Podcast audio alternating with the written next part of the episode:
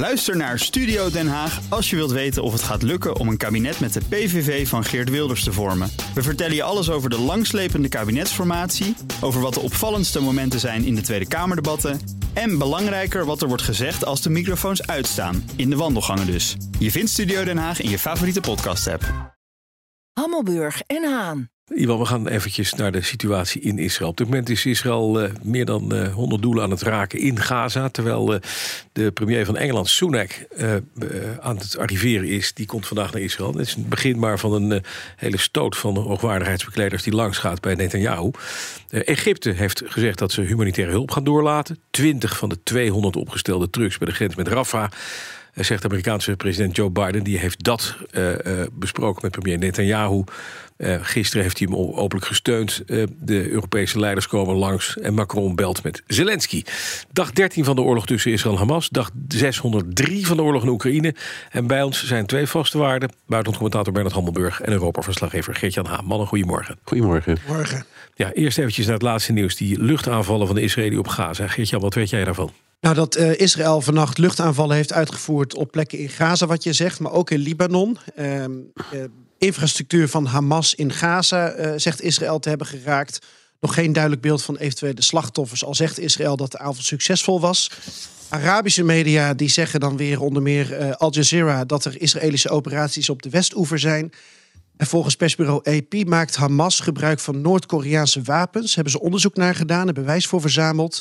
En dat zou dan op die afschuwelijke 7 oktober ook zijn uh, gebruikt. Hm. Noord-Korea die ontkent de verkoop. Dat zijn de militaire berichten. En dan de diplomatieke berichten. Wat jij al zei, Bas Sunak, die lost straks Joe Biden af. Brengt een bezoek aan Netanyahu. En nog twee andere berichten die uh, volgens mij belangrijk zijn van de afgelopen nacht. Um, de VS hebben een resolutie in de Veiligheidsraad over de oorlog geblokkeerd. Met allemaal logische punten die waren ingediend door voorzitter Brazilië. Maar Amerika wil dat er in de resolutie uh, expliciet, expliciet, staat dat Israël het recht op zelfverdediging heeft. Ja. En dat was niet zo aangegeven. En dus heeft, uh, hebben de VS hun vetorecht gebruikt. En dat tot slot zowel diplomatiek als humanitair. Egypte laat 20 trucks met hulpgoederen door naar Gaza. Bron Joe Biden. En hij zegt dat te hebben afgesproken met de Egyptische ja. president Al-Sisi. Maar die hulp die komt niet eerder dan morgen op gang. Nee, precies. En uh, het vervelende is dat de weg gebombardeerd is dus door de Israëli. Die weg die loopt door Gaza heen vanuit Rafah. Bernard Hammelburg is bij ons. Bernard, ja, de belangrijkste ontwikkeling. Hoe moeten we dat nou duiden? Want Biden is nu weg. Heeft gisteren ja. dat, uh, dat indringende gesprek met Netanyahu... die ik trouwens niet echt blij zag kijken tijdens de persconferentie. Daar moeten wel wat stevige woorden zijn gevallen. Ja, daar zijn wel stevige woorden gevallen. Hij heeft... Uh bijvoorbeeld het, het, ongeveer het volgende zinnetje gebruikt, begrijp ik van wat er is uitgelekt en is doorgegeven van journalisten mm -hmm. die met hem in de Air Force One zaten. Um, een, een, tekst die ongeveer zo was van jullie zijn slachtoffer van vreselijk terrorisme.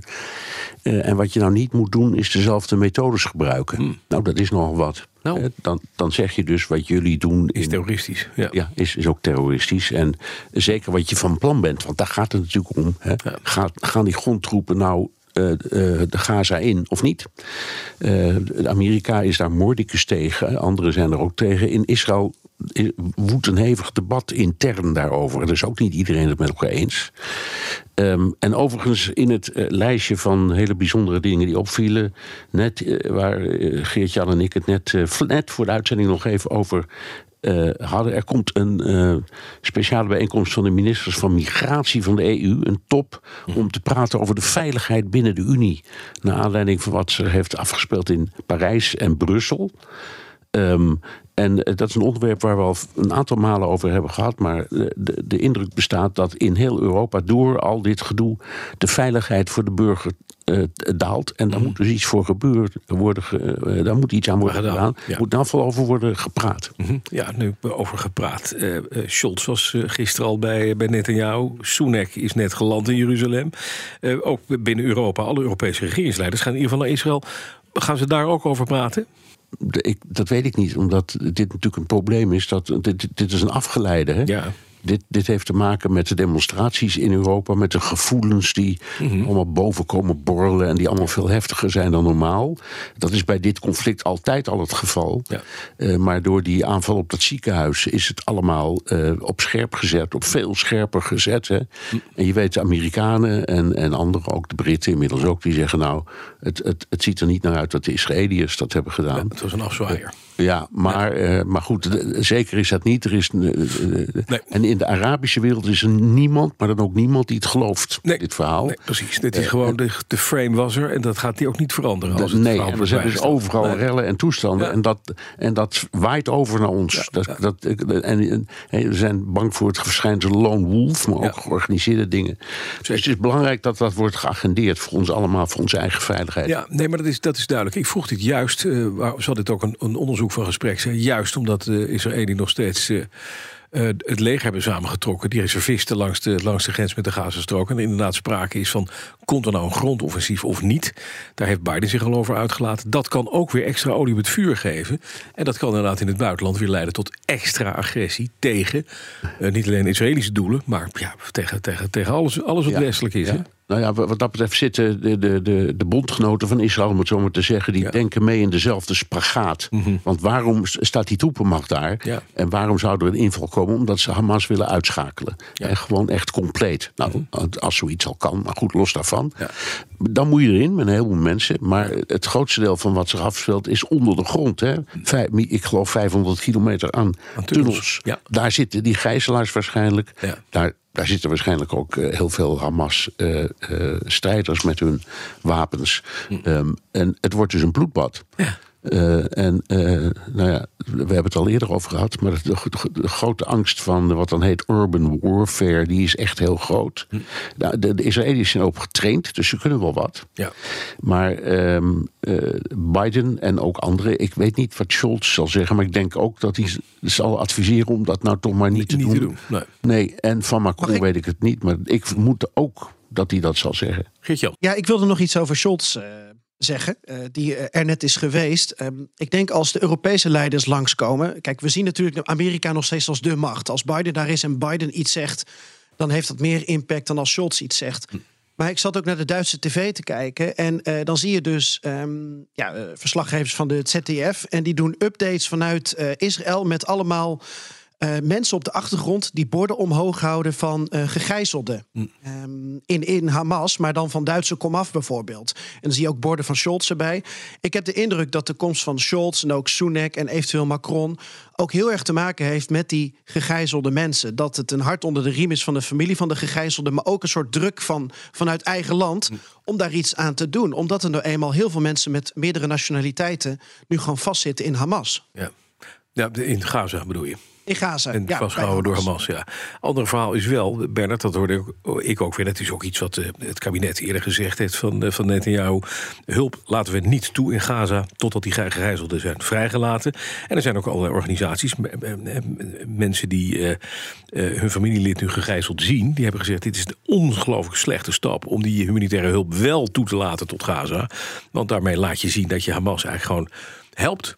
Ja, maar dat is het probleem. Eh, je- eh, dit gaat niet over hulp aan Hamas. Dit gaat over hulp aan gewone mensen. Ja. En de meeste mensen in Gaza zijn geen gewone lid mensen. van Hamas. Of, hebben er niet zoveel mee.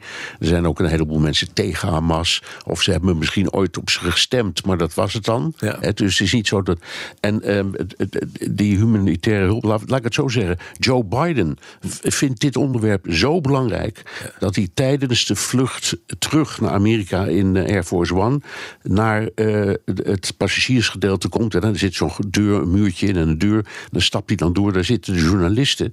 eh, om met enige vreugde te vertellen dat hij in het vliegtuig net nog met Sisi had gebeld. Ja. En hem ervan had overtuigd dat het, die, die, Dat het echt moet, die- ja. die- dat het, die eerste twintig trucks toch echt Ja. moeten. Zo belangrijk vindt Biden het. Ik denk dat als hij terugkijkt, dat dat misschien wel het belangrijkste is dat hij op dit moment heeft bereikt. Want voor de rest heeft ook dat bezoek natuurlijk concreet niet zo verschrikkelijk veel opgeleverd. En nog één dingetje waar we het over hadden, eh, Geert-Jan en ik. eh, dat Biden ook eh, het congres vraagt om 100 miljard dollar nieuwe steun voor Israël, Oekraïne, ehm, eh, eh. Taiwan.